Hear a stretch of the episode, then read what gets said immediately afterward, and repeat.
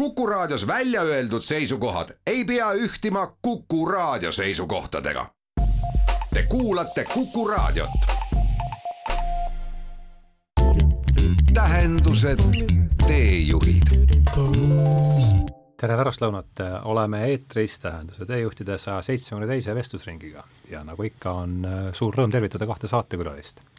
tere tulemast, Märt-Matis Lill. tere! tere tulemast, Kaido Ole tervist! mõlemad esmakordselt. just. selles puhvetis tundub nii et olge hea, öelge enda kohta alustuseks äh, paar sõna, sest on ju tegemist äh, selles kontekstis debütantidega. no Märt-Matis, hakka sa peale. ja kus tunnetaja üldse niisugune? aa, et nagu omavaheline suhe ka veel, jah, jah, et ma olen helilooja, olen, mind on väga huvitanud ka teised kunstiliigid ja ma arvan, seal on see side ka nagu Kaidoga tekkinud, et öö, oleme koos mingit mõnevõrra kunstilist sõgedust teinud mille üle mul on väga hea meel, mis on ka video, videosse jäädvustatud.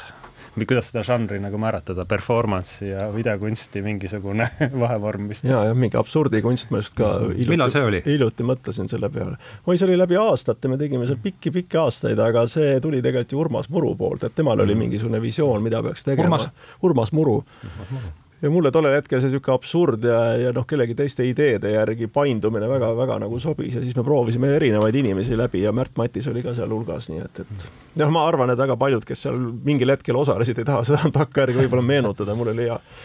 kas need on Youtube'is olemas kuskil? ei, Youtube'is vist ei ole, ma arvan, aga võib-olla mingil hetkel olid, aga enam mitte, nad on selleks liiga vanad juba, no mingi kümmekond aastat tagasi, midagi nii, jah. mis aasta, mis aasta tunnete üldse? No sellest ajast kümme, kümme jah, ma arvan. kümme pluss aastat. jah, midagi niisugust vist, jah. ma ei tea, kuidas me, kuidas me sinuni jõudsime. ma mäletan, kuidas me jõudsime näiteks Mart Kolditsini, et me läksime, vist oli vaja kedagi midagi näit-, võitlemisega seoses. Me läksime üles Toompeale niimoodi lollisti nahaalselt ja jõudsime Ingo Normeti juurde ja siis Normet mõtles, et niisugust asja tahate poisid, noh, ma ei tea, et võib-olla rääkige Mart Kolditsiga, tema on niisugune avatud igasugustele imelikele ideedele. Toompeale siis sinna lavakasse? lavakasse jah, aga kuidas me sinuni jõudsime, ma ei usu, et me nüüd kuhugi heli, heliloote liitu läksime, aga meil on mingid lollid mõtted, et kes võiks sellega kaasa tulla, aga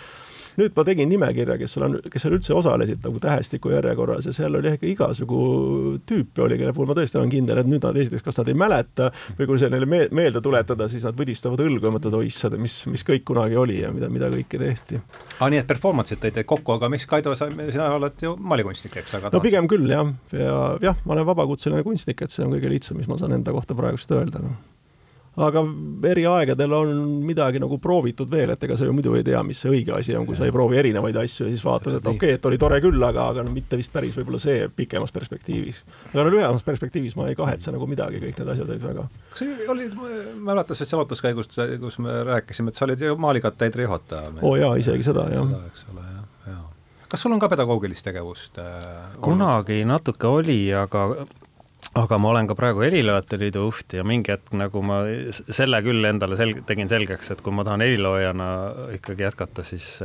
siis noh, neid asju väga palju sinna kõrvale ei mahu, et et, et selles mõttes, et need kaks asja praegu nagu toimivad suht-koht hästi, aga, aga rohkem, rohkem nagu ei, ei suudaks, jah.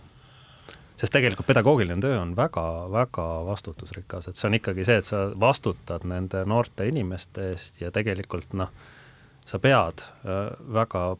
tõsiselt seda võtma, sa pead väga palju aega sinna panema ja aeg on just minu jaoks on, on selline nagu väga kriitiline ressurss nii selles mõttes, et ma nagu tegelen sellega heliloojana, aga teistpidi, et, et noh, endal ka veel praegu kaks äh, alaealist last, et see kõik võtab ka nagu oma aja ja, ja siis Heliloojate Liidu et kõik see kokku, et seda lihtsalt ei saa nagu noh, ei saa lubada nagu -hmm. mingit huvitav kõrvalpõige, et kui tohib nii pikalt siin heietada üldse, et selleks ma siin olen. vaatasin eile Plektrumi, oli jah, eile vist jah, või üleeile, mis päev täna on. ja seal oli Liina Olmaru, kes on siis Aha. Johannese koolis muuhulgas on õpetaja ja noh, siis ka küsiti, et, et kuidas üldse see kogemus õpetajana on ja siis ta tõi välja nii enda kui oma lapse puhul, et kes ta lemmikõpetaja oli ja miks, miks ta oli lemmikõpetaja ja vist noh, laps sõnastas selle umbes niimoodi, et, et talle tundub, et see õpetaja võtab teda kuidagi heas mõttes isiklikult mm. -hmm. ja siis Liina ütles ka, et noh, temal on ka oma õpetajast umbes samasugune mälestus, võiks niimoodi kokku võtta, et ta tundis, et, et ta läheb kuidagi isiklikult korda sellele õpetajale, siis ma mõtlesin, jessakene, et isegi kui sa oled klassijuhataja, sul on mingi kolmkümmend õpilast, et no ma saangi aru, et see on väga oluline, et sa võtad isiklikult, aga sa suudad võtta kolmekümmend last isiklikult ja kui sa oled aineõpetaja, siis on sul tõenäoliselt vähemalt sada last, sa ei suuda neid võtta isiklikult, et noh, see ongi tegelikult see draama minu, minu arvates, kui sa oled nagu õpetaja, ükskõik mis ideaalid sul ka ei ole, mis isegi soodumus sul ei ole, et sa ei suuda võtta niivõrd paljusid inimesi isiklikult, keegi jääb sul ikkagi kahe silma vahele ja noh, heal juhul ei juhtu midagi halba, aga halval juhul ongi niimoodi, et ta tunneb ennast kuidagi unustatuna ja üleliigsena ja ma ei tea, mis lume, lumepall sellest veerema võib hakata, nii et et noh, mulle tundub, et see on niisugune amet, kus nagu õnnestuda praktiliselt ei ole võimalik, et küsimus on selles, kui, kui vähe sa ebaõnnestud. aga samas, kui hakata mõtlema, see praeguse peremudel, kus on nagu ütleme, üks-kaks on selline nagu last on, on ju reegel ja kõik, mis on üle selle, on juba natukene nagu noh, mida rohkem, seda nagu radikaalsem justkui mm. -hmm. ma just hiljuti äh, sain kokku ühe oma Belgia tuttavaga, kellel on, kujutage ette, viis last. ja, ja nemad rääkisid, et noh, see on juba üsna erandlik mm -hmm ja neil on naaber, selline tõsine katoliiklik pere, ise nad on ilmalikud inimesed, kellel on kümme last. Ja see on juba tänapäeval, noh, ühesõnaga, kui sa räägid, on ju, et, et see süvenemisprobleemid, aga mõtle sellises peres või noh, Pahh näiteks, tal oli kaheksateist last, on ju ma arvan, et seal on täpselt seesama probleem mm., et need mõned keskmised, et võib-olla esimene saab selle mm -hmm. tähelepanu, noh, viimane tõenäoliselt ka juba, seal on see mingisugune pesamuna efekt, aga kõik need kesk, mitte kõik, aga paljud keskmised varud lähevad kuidagi niimoodi no,. eks ta vist toimib siis ka teistmoodi, et siis ema ja isa ongi nagu mingi patriarh ja matriarh, et nad on kuidagi olemas, aga kuidagi teistmoodi olemas, mitte nii, et nad sul kogu aeg käest kinni hoiavad. Ja... aga, aga huvitav on see, et me ju teeme nagu hästi suuri järeldusi ja, ja mulle tundub, et pahatihti lähtume sellest, mis on praegu, aga tegelikult see, mis on praegu on niivõrd äh, Erandlik. väike episood inimkonna ajaloos, et tegelikult see kümme kuni kakskümmend on, ma arvan, pigem olnud nagu reegel, noh, kui, kui on olnud võimalik, loomulikult väga laste suremus on olnud kõrge, naiste tervis ei ole pidanud vastu, on ju, emade suremus sünnitamisel, aga ikkagi, et see ajastu, mis me praegu elame, see mentaliteet, mida me praegu murdosa aegruumist jagame, see on nagu nii väike hetk tegelikult meie sellisest äh, ja meile tundub ta ainumõeldavana peaaegu. just, et me arvame, me kõik ehitame nagu justkui selle üles, et see ongi nagu, see ongi see mudel nüüd, mis, mis on justkui nojah, aga eks meil lähebki see elu ikkagi paljuski nagu täpsemaks, et noh, ühest küljest jah, see mingi massimood ja tsara, eks ole, kui neid mantleid ja neid tehakse ja noh, õmmeldakse või lastakse teha nagu mõttetult palju, aga noh, teiselt poolt läheb asi ikkagi nagu kuidagi limiteeritumaks, et noh, see on mingi idiootne paralleel, aga nagu, nagu sõjapidamiseski ikkagi on see nagu see täppisrelvad, eks ole, et lihtsalt ei uhata niimoodi umbes laial rindel kõiki neid kuule ja mürske, ikkagi proovitakse nagu täpselt lasta. et ma arvan ka, mu emal oli ka, oli seitse venda ja õde, nad olid üheksakesi. emal, jah emal jah, ja ma arvan, et see oli ka ikkagi natuke niisugune nagu bioloogiline, noh, sul on talu, eks ole, ja, ja noh, sa ei riski kahe lapsega, et noh, paljugi, mis äkki midagi juhtub, just nimelt keegi sureb ära, eks ole, keegi peab pärima, keegi peab minema linna kooli õppima mm, -hmm. keegi seda, keegi kolmandat, et noh, las neid olla, las neid tulla ja noh, ongi hea, et keegi kitkub jäneste jaoks rohtu, keegi aitab seal, eks ole, neist on ka kasu midagi, seda, see, see, see kuidagi omaette juba toimib, see selline, selline ühiskond seal. et see oli ka selline noh, ikkagi umbes nagu vana armee, et las olla nagu rohkem, lähme laial rindel peale, et küll siis ka võit koju tuuakse, et sama samamoodi nagu peres, ma arvan, et, et noh, keegi jääb ikkagi alles, keegi võtab talu üle, keegi teeb hea abieludiili, keegi läheb ja tõesti, kellestki tuleb linnas mingisugune tegelane ja ekstensiivne versus intensiivne loomapidamine on niisugune sotsialistliku põllumajanduse võtme, võtmemõisted. aga samas, kas Kaido, sulle ei tundu, et, et, et samas on mingisugune noh, ütleme, tööstuslik tootmine ja mingit pidi ma väidaks ka, et kunst on läinud just seda massiteed, sest orienteerutakse massidele, profileeritakse massidele, kui sa mõtled mingisugusele madalmaa maade maalikunsti perioodil, noh, kuulus näide Van mm, -hmm. Van Eyck'i on ju, Rolani Madonna, noh, et sellist nagu nikerdamist yeah noh, et kes, kes see tänapäeval nagu üldiselt ja, laias laastus teeb. aga siis oligi selles mõttes ähm, lihtsam, et noh, lähemegi siin julmade üldistusteni välja, et ega me siin ja nagu seda, neid, selleks me olemegi see siin. see ongi selline et, saade, eks ole. paneme laia rehaga. jah, nii ongi. et, et tollel ajal ka sa noh, ma arvan, eks inimene tahab ikkagi kuhugi välja jõuda, tahab nagu läbi lüüa, aga siis see läbilöök tähendab seda, et sa pead, sa pead kuninga juurde saama. sa lööd mm. kuninga juures läbi ja noh, kuningaid on üks, sind on üks, sa teed ühe väga hea töö ja oledki läbi löönud. kuningas vaatab, et väga okei okay tegelane, et las ta nüüd jääbki minu juurde õukonda, hakkab maalima, aga tänapäeval maailmas läbilöömine ei tähenda ühte tööd, eks ole. ja ma mõtlen, noh, kõige hullem ma olen ka mänginud selle mõttega, et, et noh, ma ei ole maailmakuulus kunstnik, et noh, aga vaata, kui juhtuks niimoodi, et äkki ma saan maailmakuulsaks kunstnikuks, et siis ma mõtlesin, kui tohutut taak see tegelikult on. Et kui näiteks korraga tahaks minu käest saada, ma ei tea, kolm maailma tippnäituse kohta näitust, personaalnäitust, suured pinnad, sajad ruutmeetrid, enam-vähem korraga peaaegu, mul peab olema mingi mitu komplekti, mis korraga gastrollib mööda maailma ringi, pealekauba suured muuseumid ostavad, siis tuleb uusi töid teha, ma ei saa ju teha koopiaid, ma pean tegema uusi geniaalseid töid ja nii edasi, see töömaht on tohutu ja noh, siis me imestame, et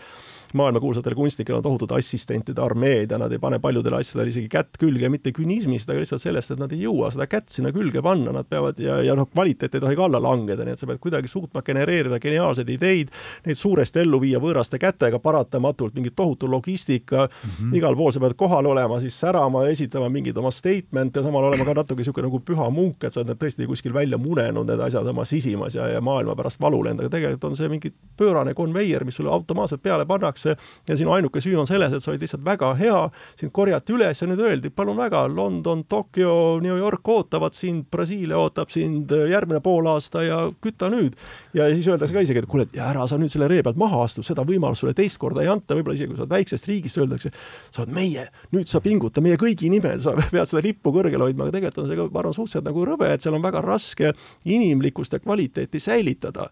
et see, see on see, noh, see on ikka niisugune saatanlik trikk tegelikult, ühest küljest sulle nagu antakse ja teisest küljest sa võtad selle hurraaga vastu ja siis sa saad alles aru, kuhu sa oled sattunud. noh, ma ei, ma ei ole selles rattas olnud, aga see võib, ma arvan, see on midagi sellist, sest noh, lihtsalt need mahud kasvavad pööraselt kohe. aga kas see ei ole võib-olla natuke see, mis sa praegu räägid, võib-olla see on see selline väikerahva probleem, et me nagu kipume nii mõtlema, aga mulle endale tundub, et noh, vähemalt heliloojate puhul, võib-olla seal on ka siis mingid tõesti žanrilised erinevused mm, -hmm. et kui sa oled juba enna, sinna liigasse ennast välja võidelnud et ütleme, sellised maailma praegu absoluutselt tipphelilööjad, tegelikult nad kirjutavad nagu vähe, nad saavad seda endale lubada, näiteks Tristan Mürai, ma rääkisin temaga, kui ta käis käis äh, Tallinnas, ta ütles, et üks teos aastas maksimum. ütleme, need heliloojad, kes äh, tõsiselt püüavad nagu äh, niimoodi äh, hing niidiga kaelas sellest loomingust ära elatada, nad tegelevad nagu noh, aasta jooksul nagu saja asjaga põhimõtteliselt, teevad palju erinevaid asju.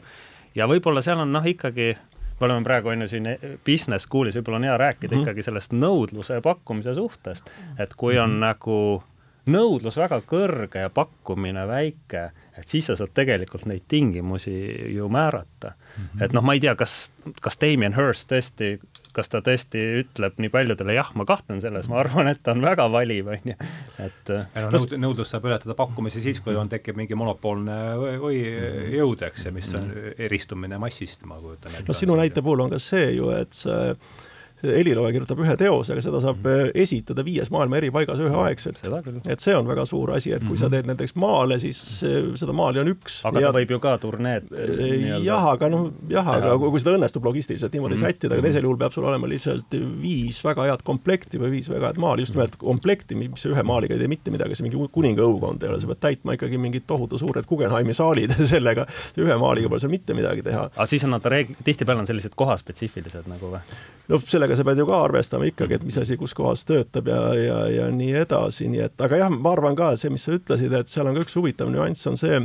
et enne kui sa jõuad nagu väga tippu ja sul tõesti makstakse ükskõik kas ühe sümfoonia või, või ühe maali eest miljoneid, sa võid tõesti teha nagu ühe teose aastas ja noh, jätkub sulle, jätkub diileritele, jätkub kõigile, sest no sellest sajast miljonist viiskümmend läheb kohe sinust, sinust mööda igal juhul. kaks kolmandikku läheb tõenäoliselt mööda, aga noh, järgi jääb ka veel piisavalt. aga kui sa oled seal natukene allpool, siis no siis sul jääb suhteliselt nagu vähem, siis sa nagu ühe tööga aastas ei saa hakkama, sa pead mhm. ikkagi noh, müüma ikkagi suhteliselt palju mm. -hmm ja no ongi, sa no, vaatad. jah, et see ongi see juba see järgmise. samas assistentidel on juba vaja maksta ja suure, suure stuudio eest on vaja maksta ja pärast me võime hakata siin rääkima ka energiakriisist, elektri ja küttehindadest ja nii edasi, et et noh, kõik, kõik selline asi, et enne kui sa need kokku saad ja pluss lõpuks tõesti tekib ju mingi eetiline moment, et ma olen lugenud no, nii palju sellist äh, noh, staaride nagu pihtimusi, kes on öelnud, et issand, et noh, tegelikult neid häirib, et nende maal maksab nende eluajal sada viiskümmend miljonit, et see on rõve, et see käib neil sõna otseses mõttes pinda. kusjuures pärast surma ju veel rohkem. jah, et, et noh, nende arvates no, see on täiesti ebaadekvaatne, et, et noh, pilt ei ole halb, aga see ei saa maksta sada, sada miljonit, et see on täiesti haige hind, et see, et, et kust see tuleb, et, et noh, jälle sul mingisugune asi sõidab kuskil raha, praegu tuleb ta rahapressi alt, päris selge. aga see häirib sind, et, et noh, jah, no tõesti, noh, see maailm on niivõrd huvitav, et kuskil võib sind häirida, et noh, see klassikaline selline, et et äkki mul ei tule inspiratsiooni ja muud sellist, aga mingil hetkel võib sind häirida, et kuskilt tuleb raha nagu kiirrong sõidab sinu teose suunas mürtsti sisse ja, ja, ja see võib olla probleem, et no seda tasakaalu on väga raske leida. mis praegu on nüüd elavates kunstnikes, kes on, kelle, kelle teos on, kelle te, maalid on praegu kõige kallimad, oskad sa anda mingit, kujutad, et oh, ma ei tea, ma, ma ei julge niimoodi öelda, aga noh, ma tean näiteks üks äh, Saksa veel ikkagi elus olev maalisuperstaar Gerhard Richter, et tema oli, äh, kes, kes väga muretses selle pärast, et miks ta tööd nii palju maksavad ja siis, kui ma nüüd ei eksi, siis ta isegi äh, proovis teha sellise vastukäigu, et ta tegi mingi natuke väiksemas formaadis seeria, mida ta müüs ise kehtestatud nii-öelda inimliku hinna eest, aga, aga noh, ega ta sellest midagi ei võitnud, nagu noh, nii palju kui mina tean. edasi neid müüdi ikka. edasi müüdi kohe momentaalselt, vaatad, vaat kui hea, et Gerhard vana loll, et tema, kes sai mõni odavalt kätte, vot nüüd me saame siia juurde keevitada, nii et vähe ei ole. tähendused, teejuhid tutvustusring on tehtud oh,, stuudios okay. on siis stuudios on siis, oleme saanud teada, stuudios on maalikunstnik, helilooja mm. -hmm. ja tuttavaks saite see siis äh, performance itega no ütleme nii, jah. võib-olla isegi enne, aga ega ma ka täpselt nojah, aga, aga nüüd olete te igatahes saanud uuesti kokku meie lehe raames vähemasti. et Kaido kirjutas siis kahekümne esimesse numbrisse, oli see kakskümmend üks, eks ole, mis on ilu ja Märt Matis kahekümne kolmandasse numbrisse, mis on tarkus et võib-olla kui nüüd hakata saate teema peale mõtlema, ma panin töö pealkirjaks Juurikata roosipõõsas, mille ma võtsin siit Kaido artikli sissejuhatavast lausest, et Juurikata roosipõõsas kuivab kiiresti. kirjutab Kaido Ole, Ole ja, ja, ja kirjuta ja siis Märt Matisele sai kirjutatud siia niisugune sissejuhatus, et et judeokristlikul kultuuripärandil on varju kõrval ka valgus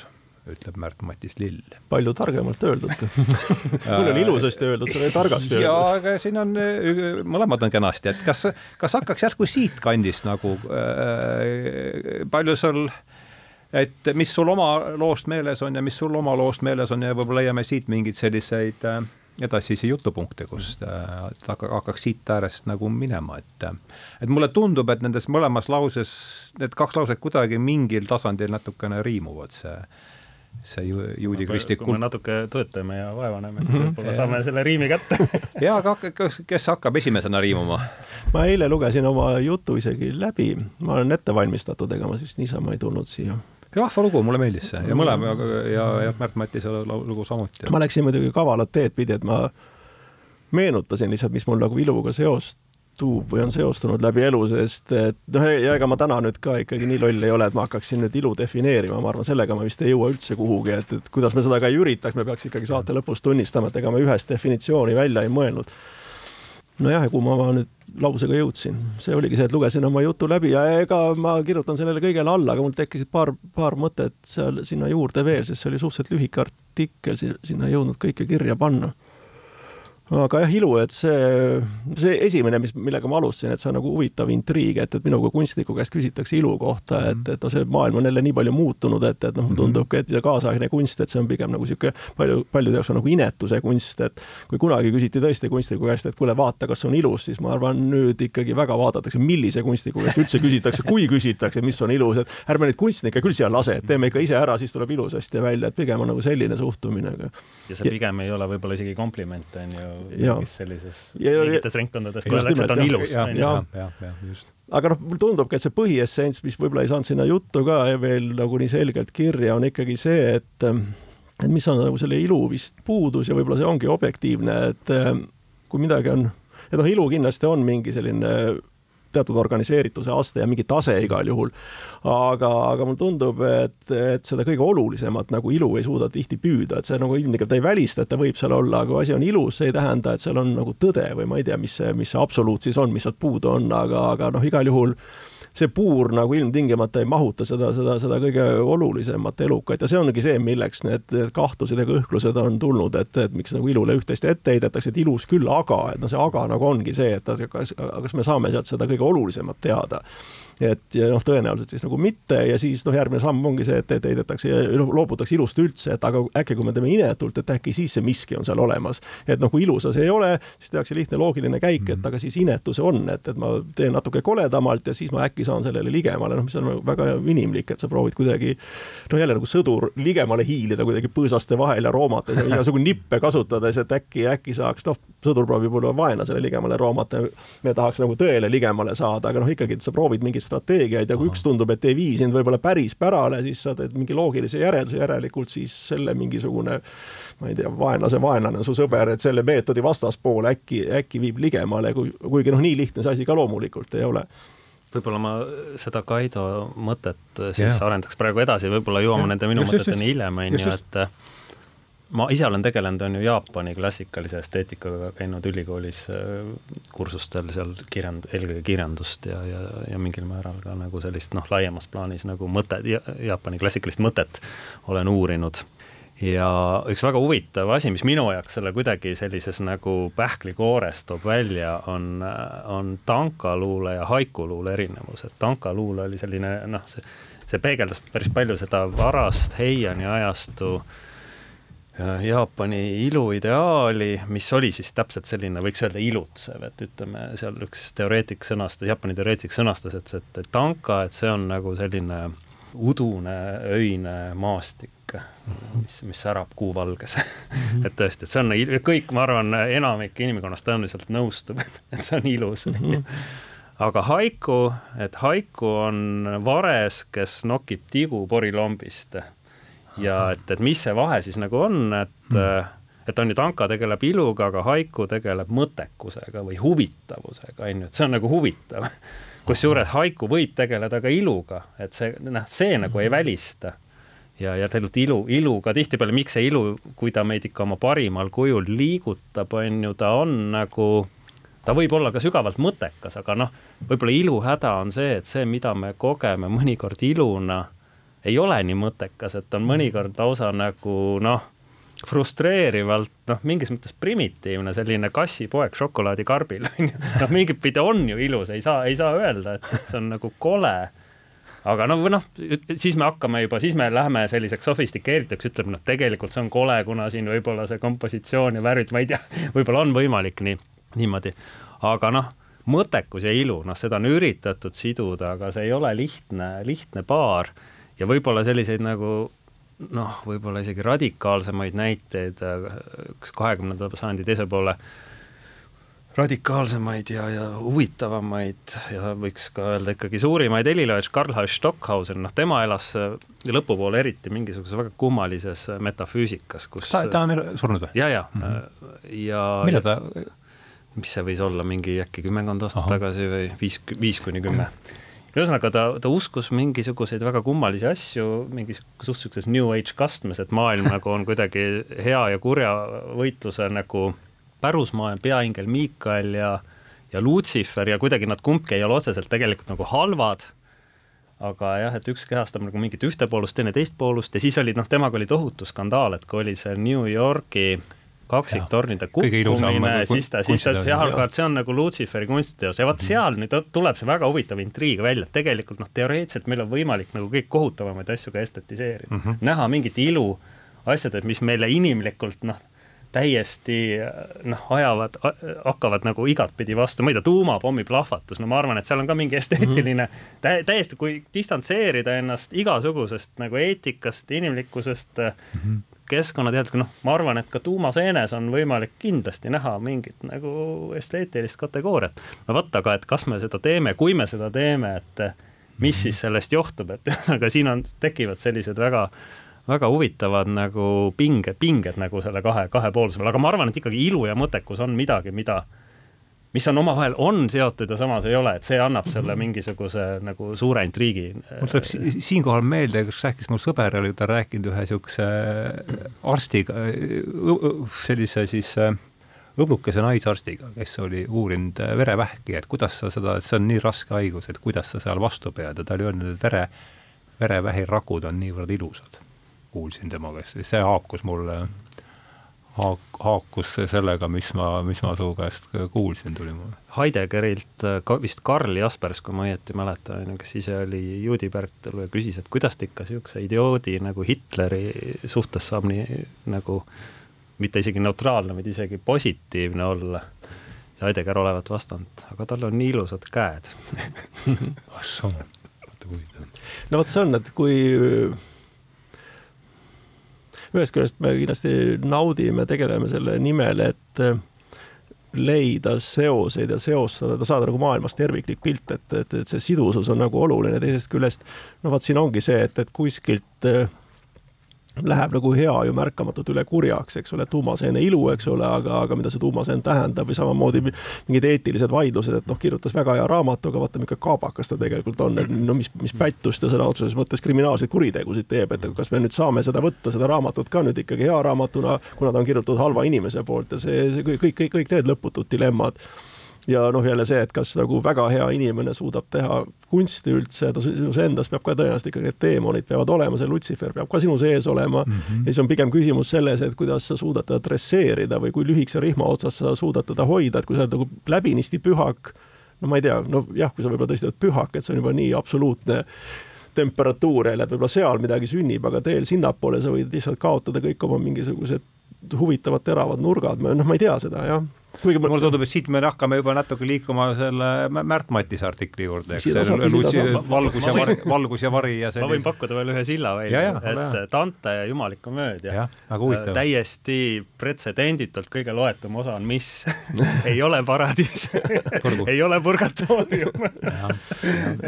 Selles mõttes nagu, mis, mis seda inimkonda ikkagi kuidagi intrigeerib, kaasa kisub, inspireerib, paraku ei ole need kõige need sellised nagu ilusad ilusamad võib-olla ja, ja nagu harmoonilisemad. No, noh. no see on jah, mulle tundub ka, et võib-olla ilu miinus on see, et ta on natuke nagu tupiktee, et, et ta ei vii üldse nagu halba kohta, aga sealt, sealt ei lähe hästi edasi midagi, et sa pead mm. nagu tohutult vaeva nägema, tõenäoliselt pigem nagu tagasi pöörama, tegema mingi mm. U-pöörde ja minema siis eelmise ristmikuni tagasi. et ta on küll jah, niisugune väga ilus koht, aga et noh, siis, siis tuleb see mingi aga, aga samas on jälle see inimese arengu küsimus ka või see täitmatuse küsimus, et kui sa isegi jõuad kuhugi see pole üldse halb koht, et sa küsid, aga mis nüüd järgmiseks, mis siis veel, et sa saad aru, et ega sellega pole teekond lõppenud ja sa tahaksid edasi minna, aga ilust vist on raske edasi minna, kuigi no ega me ju vaatame kõiki neid klassitsistlikku arhitektuuri nüüd noh, ka palju leplikuma pilguga, seal olid ka mingid absoluutsed kaanonid ja tõesti ühest küljest oli ta nagu massiehitus aga mõneti on ta ikkagi ilusam kui Mustamäe ja Lasnamäe vist, kuigi mis on no, võib-olla mingit pidi ei olegi nii kaugel üksteisest, kuna seal ilmselt järgitakse üsna sarnaseid sümmeetria printsiipe ja, ja. ja selliseid nagu mingit pidi lihtsustatud struktuuride ja noh, teistpidi noh, Mustamäe ja Lasnamäe on ju sellised väga nagu äh, kuidas öelda, vulgariseeritud on ju mod-, äh, modernism, et noh, need Le Corbusier mingisugused ikkagi varasemad asjad, ega nad nagu nii koledad kohe kindlasti ja. ei ole, kui, kui see Mustamäe ja Lasnamäe. Mustamäe ja Lasnamäe on põhimõtteliselt nagu see esteetika väga odaval sellisel mannetul moel teostatuna. no jätame nüüd selle ehituskvaliteedi kõrvale mm aga kas siin on ka nüüd mingisugune inimlik häda, on see mingi arenguprobleem ja see sinu Jaapani näide on väga hea see juurde, et noh, mis on nagu Mustamäe ja klassitsistliku arhitektuuri suurim vahe minu jaoks on see, et lihtsalt äh, dekoratsioone on vähem, et sealt on veel vähemaks võetud seda, aga noh, tundub, et suure hulga inimeste jaoks ilu tähendab ikkagi mingit teatud äh, ka mingit garneeringut, et seal peab olema nipsasjakesi, nipsasjakesi ja midagi peab olema, kui ühtegi kaunistust ei ole, noh, kaunistus, mis teeb asja ilusaks, et noh, siis ei olegi ilus, et kõik kaunistused ära võetakse, lihtsalt ideaalsed proportsioonid, vot see on midagi niisugust jaapanlikku, et kas sa suudad lihtsalt nautida seda, et see kuubik ja see akende rütm, et see on nagu ideaalne iseenesest. aga Jaapani klassikalises esteetikas noh, et seal nagu praktiliselt sellist nagu nii taandatud vorme ei ole, seal on ikkagi see mingisugune viga on, mis, mida väga loetakse just nagu ilule olulise joone, ühesõnaga mingi väike mm. pragu või mingisugune paatina või või, või, või ma noh, ühesõnaga midagi, mis nagu rikub seda, et, et ta oleks selline täiuslik, harmooniline, sümmeetriline, puhas vorm, on ju, et see, see nagu ei ole see. aga jah, et see noh, ma ei tea, mulle tundub, et kui me korraks veel tagasi tulla selle ehituse juurde, et, et see oli ju see, see modernistlik esteetika oli mingit pidi ka reaktsioon on ju üheksateistkümnenda sajandi sellele tohutule vohamisele, mis, kus nagu jälle see poolus nagu keerati üle et noh, muusikas on, on, on see niivõrd selge, sest noh, koosseisud muutusid täiesti absurdselt suurteks, et noh, orkestrid paisusid ei tea kuhu, et need Wagner sa räägid nüüd, aa, Wagneri aega. Wagner ja Mahler on ju noh, et need noh, kõik see on suurepärane muusika, suurepärane kunst, aga see kuidagi noh, läks see just ja, ja sinna järgnenud veel selline juugendlik esteetika, et see, see võttis mingid nagu täiesti pead pööritavad mõõtmed aga, aga see kaunistusku printsiip, ma arvan, et see, see, see mõte mulle väga meeldib, et sa tood sellise väga fundamentaalsena välja, et mina olen mõelnud, et et, et tegelikult, et kas üldse kunsti või laiemas plaanis kultuuri määratlus, see ei olegi, et, et nagu nikerdus, on ju, et, et noh, mhm. kui asi on nagu ainult funktsionaalne et noh, mulle, mulle tundub, et siis seal see kunstiline dimensioon nagu puudubki mm. -hmm. aga et kui seal on natuke midagi juba, midagi ülemäärast, mis, mida see nikerdus endas nagu kätkeb mm, -hmm. et, et sealt võib-olla see kunst nagu mingit pidi algab, kuhu, kust me jõuame välja selleni, äh, mis on nagu üks kunsti paradoks, et kunst on tegelikult tarbetu, on ju, et kui me lähtume puhtast funktsionaalsusest, siis kunsti ei oleks justkui vaja, aga samas on kunst kindlasti üks, üks inimese selliseid nagu olemuslikku vajadusi, selles ma olen ka ja. nagu veendunud. et noh, siin on jälle selline, selline kummaline, kummaline paradoks. ma teen ühe sammu veel tagasi, et vaata, kui siin sa tõid selle Hitleri näite Heideggeri, et, et ilusad käed, eks ole, et, et kuidas sedapidi oli nagu halb ja hea kokku pandud, siis modernistlik arhitektuur noh, ütleme tinglikult, et ta on siis nii-öelda kole arhitektuur paljude jaoks, siis selle tegelikult idee oli äärmiselt humaanne, ma arvan, muuhulgas ka, et anda ikkagi võimalikult paljudele inimestele normaalsed elutingimused. Mhm, mhm. keskküte, soe vesi ja katus pea kohal ja noh, tundubki, et siin on see dilemma, et, et kui me tahame teha, garanteerida kõikidele mingi selline inimlik äh, igapäevaelu nivoo, siis tuleb kuskilt järgi anda, muuhulgas ka kvaliteedis. tähendused, teejuhid ja no siis ongi tegelikult see, mis sind viib eesmärgile, see on ju tegelikult nagu oskamine, aga mõnikord jah, niisugune liigne treenitus või, või liiga, liigne läbimõeldus, et, et et see pigem valmistab ette hoopis mingit sellist nagu barjääri, mida nagu siis murdes ja minnes hoopis teisele poole, hoopis see jõud vallandub, et niisugune nagu planeeritud jõud ei anna alati efekti, aga, aga see, mis nagu on, jääb nagu kuhugi paisu taha ja selle paisu oled sa ise ehitanud oma professionaalsuses, siis sellest paisust läbi murdes hoopis sa saavutad mingisuguse efekti. sama müür, millele, teise, teise teise nurga alt vaadatuna, jah. et ja noh, ega ütelda, ma arvan, kultuur ei ole mitte eraldiseisev asi, et täpselt seesama praktika, isegi mitte selle nagu narratiivi tasandil, et millest see või teine teos räägib, et mitte see ei ole õpetlik, vaid just see, see tegemise tasand ongi minu arust täiesti identne elamise tasandiga, need on üks, üks ja sama asi, et, et noh, see, kuidas sa mingit asja teed, tegelikult see on täiesti üks-ühele ülekantav või tegelikult tulebki see umbes eilsest päevast või sellest, need on needsamad olukorrad ja needsamad lahendused nagu toimivad aga jah, see, selleks tuleb olla kuidagi hästi nagu tundlik, valvas ja juurelda selle üle, mõtiskleda selle üle ja et sealt kuskilt. Ja noh, ma arvan, kultuur ongi niisugune nagu mõtisklemise koht tegelikult, et, et sa kuulad midagi, loed midagi ja vaatad, mis mõtted sul pähe siis tulevad, et, et ja no seal on ka liiga palju professionaalsust selles mõttes, et noh, kultuuri vastuvõtmiseks meid on ette valmistatud, et noh, tolle ajastu asjad räägivad sellest, sest aeg oli selline, eks ole, siis olid kõige tähtsamad need ja need aspektid, eks ole, siis sa kuulad neid ja neid aspekte, võib-olla isegi üldse kuulmatagi, aga sa arvad seda kuulvat, sest need peavad seal sees olema, aga aga noh, tõesti mõnikord minna natuke ikkagi ka nagu lollilt peale, et, et lase kuulata seda, mida sa tõesti hetkel kuuled ja, ja mõelda seda, mida sa hetkel mõtled ja vaatad, kuhu need esmapilgul imelikud mõtted nagu meie performance'id kuhu nad välja siis siis viivad, et et lubada natuke piinlikkust oma, oma ellu, et, et issand, mis mõte mul nüüd pähe tuli, aga see on ju selline teos, siin tuleks ju mõelda hoopis midagi muud, et jumal kui labane või noh, midagi, noh, või võib-olla esimene mõte ongi labane, aga see nagu vabastab sind, tõmbab selle kardina maha ja siis vaatad, mis pärast seda hakkab nagu arenema, et nojah, mulle ka tundub, et võib-olla sellise nagu noh, võib-olla üks parimaid teraapiavorme väga laias plaanis ongi nagu loomingulisus kui selline. ja mult on ka tihtipeale on küsinud mingid või üldse meelepärane tegevus, eks ole. Äh, no need ei ole päris nagu no, samad asjad, et meelepärast aga... tegevust võid sa ka väga mehaaniliselt teha, on ju, näiteks ma ei tea, kui sulle meeldib hamburgeri süüa et kui sa nagu voomid neid muudkui sisse, lõpuks, lõpuks see ei mõju võib-olla nii hästi, aga ütleme nii, mult, mult on ka tihtipeale küsitud teiste elualade inimesed, noh, et, et kuidas ikkagi see kunst käib ja kuidas noh, et see tundub nii müstiline ja ma reeglina üritan neil, neile nagu selgeks teha, et, et minu arust seal ei ole selles mõttes midagi müstilist, et see, millega teie tegelete, võib olla täpselt sama kunstiline ja, ja see, millega mina tegelen, võib olla täpselt sama mehaaniline ja igav kui see, mis teile tundub, et ma arvan, et tegelikult igas asjas on võimalik olla loominguline ja täpselt lasta nagu selles mõttes noh, viia ennast mingitele natukene tundmatutele ja ootamatutele radadele, mis teebki, annab elule seda pinget ja, ja ja, ja, ja mingit sügavusmõõdet ja seda varju, nagu sa ilusti ütlesid, on ju, et võib-olla, võib-olla sedalaadi elades siis on ka oht nagu sattuda mingisugustesse patoloogiatesse väiksem, sellepärast et lihtsalt, et see on, see on nagu täisväärtuslikum elu, see on, see on lihtsalt robustselt nagu äh, huvitavam elu. jaa, sest noh, võib-olla need patoloogiad tekivadki sellest, et mingi asi ikkagi lõpuks tabab sind nagu ootamatult, sa oled proovinud seda tõrjuda mm -hmm. ja noh, kultuuris on ka niimoodi, et me proovime seda riski ka publiku jaoks kuidagi nagu maandada, valmistada neid ette, harida neid, mis on minu arust väga nagu halb, et need asjad võiksidki tabada ootamatult ja siis juhtuvad väga huvitavad asjad, see doominoefekt läheb, areneb üha edasi, aga me proovime seda doominoefekti nagu välistada mm. -hmm et valmistada inimesi ette, valmistada inimesi ette eluks, valmistada inimesi ette kultuuriks, aga, aga kuskilt mingil, mingilt piirilt on see tegelikult ka halb, et noh, see ettevalmistus on ikkagi kellegi teise poolt antud manuaal ja, ja noh, külmkapi puhul on see nagu okei okay,, aga elu puhul ma arvan, ma ei tea, see ei ma arvan, et noh, me saame ise tegelikult väga hästi hakkama, kui me natuke mõtleme, juurdleme ja, ja me oleme paindlikumad siis, aga nende manuaalide häda on see, et me oleme jäigad kuidagi, sest nii oli ju öeldud, eks ole, et, et noh, noh, muidugi võib öelda igasugu asju öeldakse, ongi väga huvitav, kui öeldakse, nii tulekski seda võtta, et näed, tema ütles nii, tema nii, eks ole, ma nüüd vaatan, mida mina siin näen või kuulen, kuigi mul on kuklas ka need ütlemised, aga, aga ma ei võta neid nüüd absoluutse tõena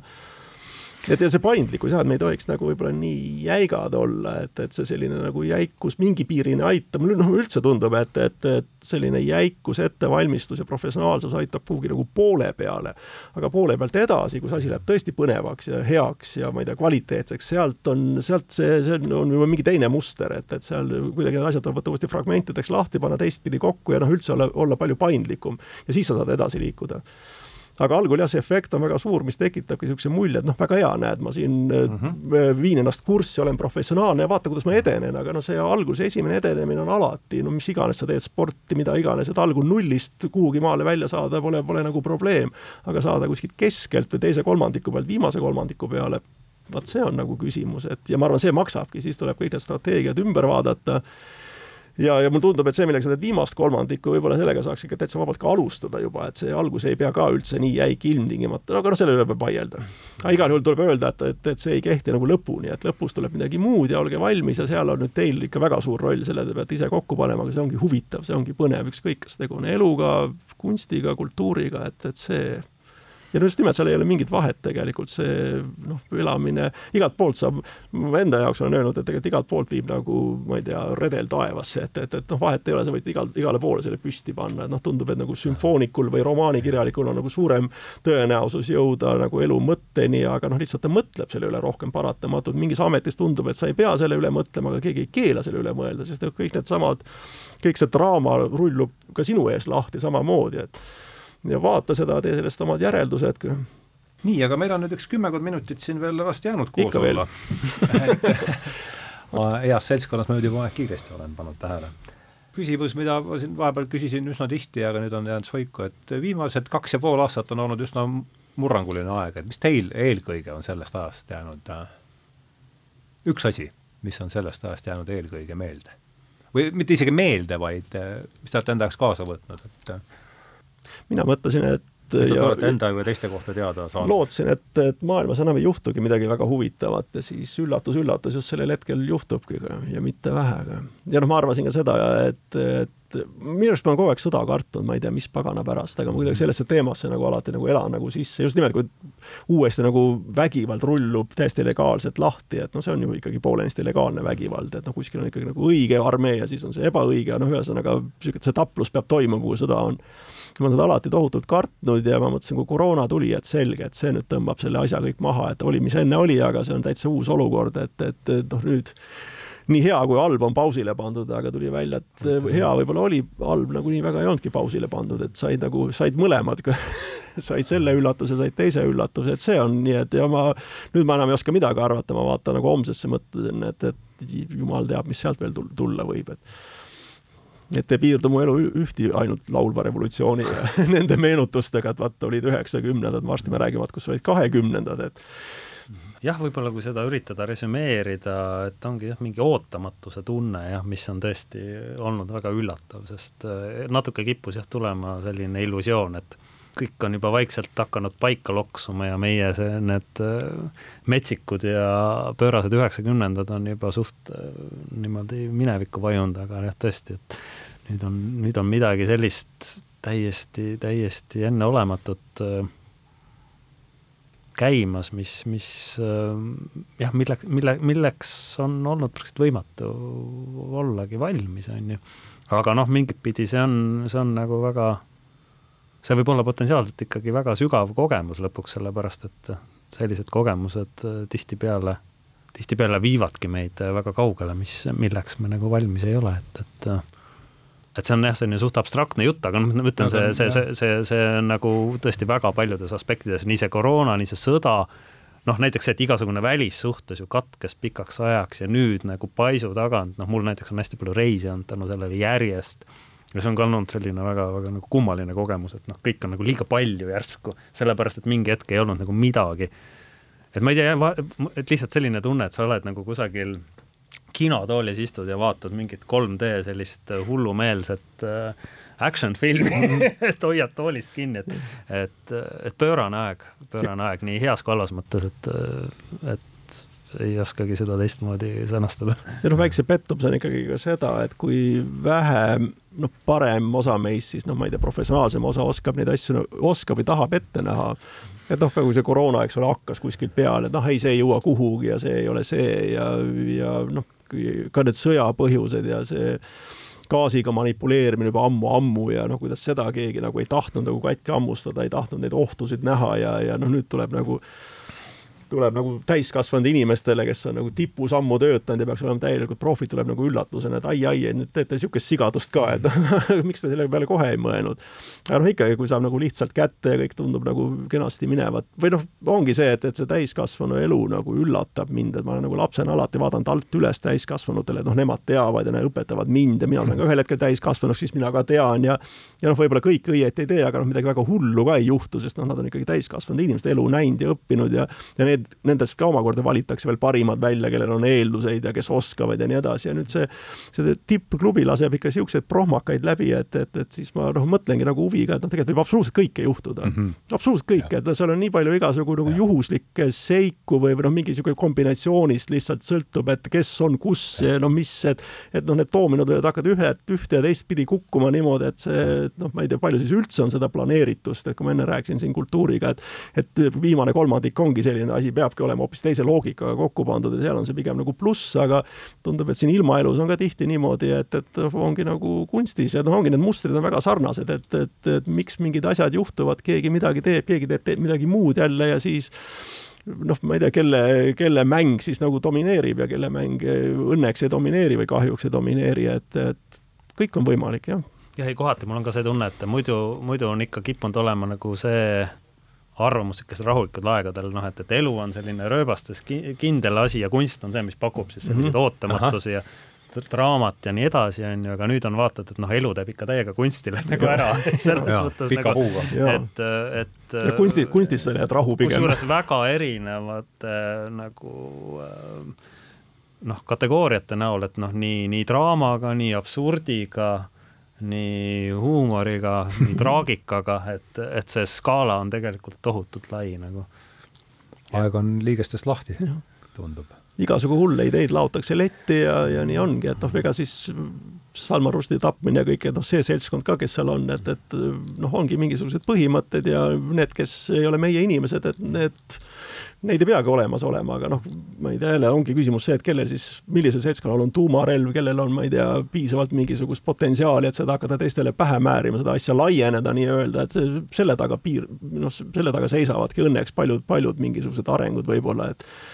et noh, tõesti, et noh, ei olegi peaaegu sellist nagu ideed, mida ei saa täie enesestmõistetavusega välja käia ja mille taga ei ole sul mitu miljonit inimest ja mingid mõned riigid, et, et aga et nii on hoopis õige, et aga noh, jälle niikaua, kui ta on lihtsalt nagu kultuuriliselt, et noh, võib nii maalida, võib nii maalida, võib nii maalida, on okei okay,, aga kui siin hakatakse ikkagi nagu käsi väänama ja keegi saab nuga sellepärast, et ta valesti maalib, et siis on ikka, see on nii, et oot-oot-oot, et see nüüd kas, kas, kas me nii, nii nüüd teeme, et see ei olnud nagu asja mõte, et. oleme teises mängus. võib-olla üks viimane küsimus veel siiski, et mis endale mis täna endale jäi äh, kõrva mingi mõte, mida polnud varem mõelnud, mingi asi, mida kuulsid? Kõige viimane. tead, endast targematega on alati hea vestelda, see, see on niisugune üleüldse, see, see nagu mõjub, et see ei anna ka alati nii konkreetset efekti, et näed, et nüüd õppisin, täna õppisin sellise asja ära, et see on lihtsalt selline kvaliteedi kogemine, et, et ei maksa nagu pättide poistega sõbrustada, maksab, maksab ikka tarkade poistega sõbrustada.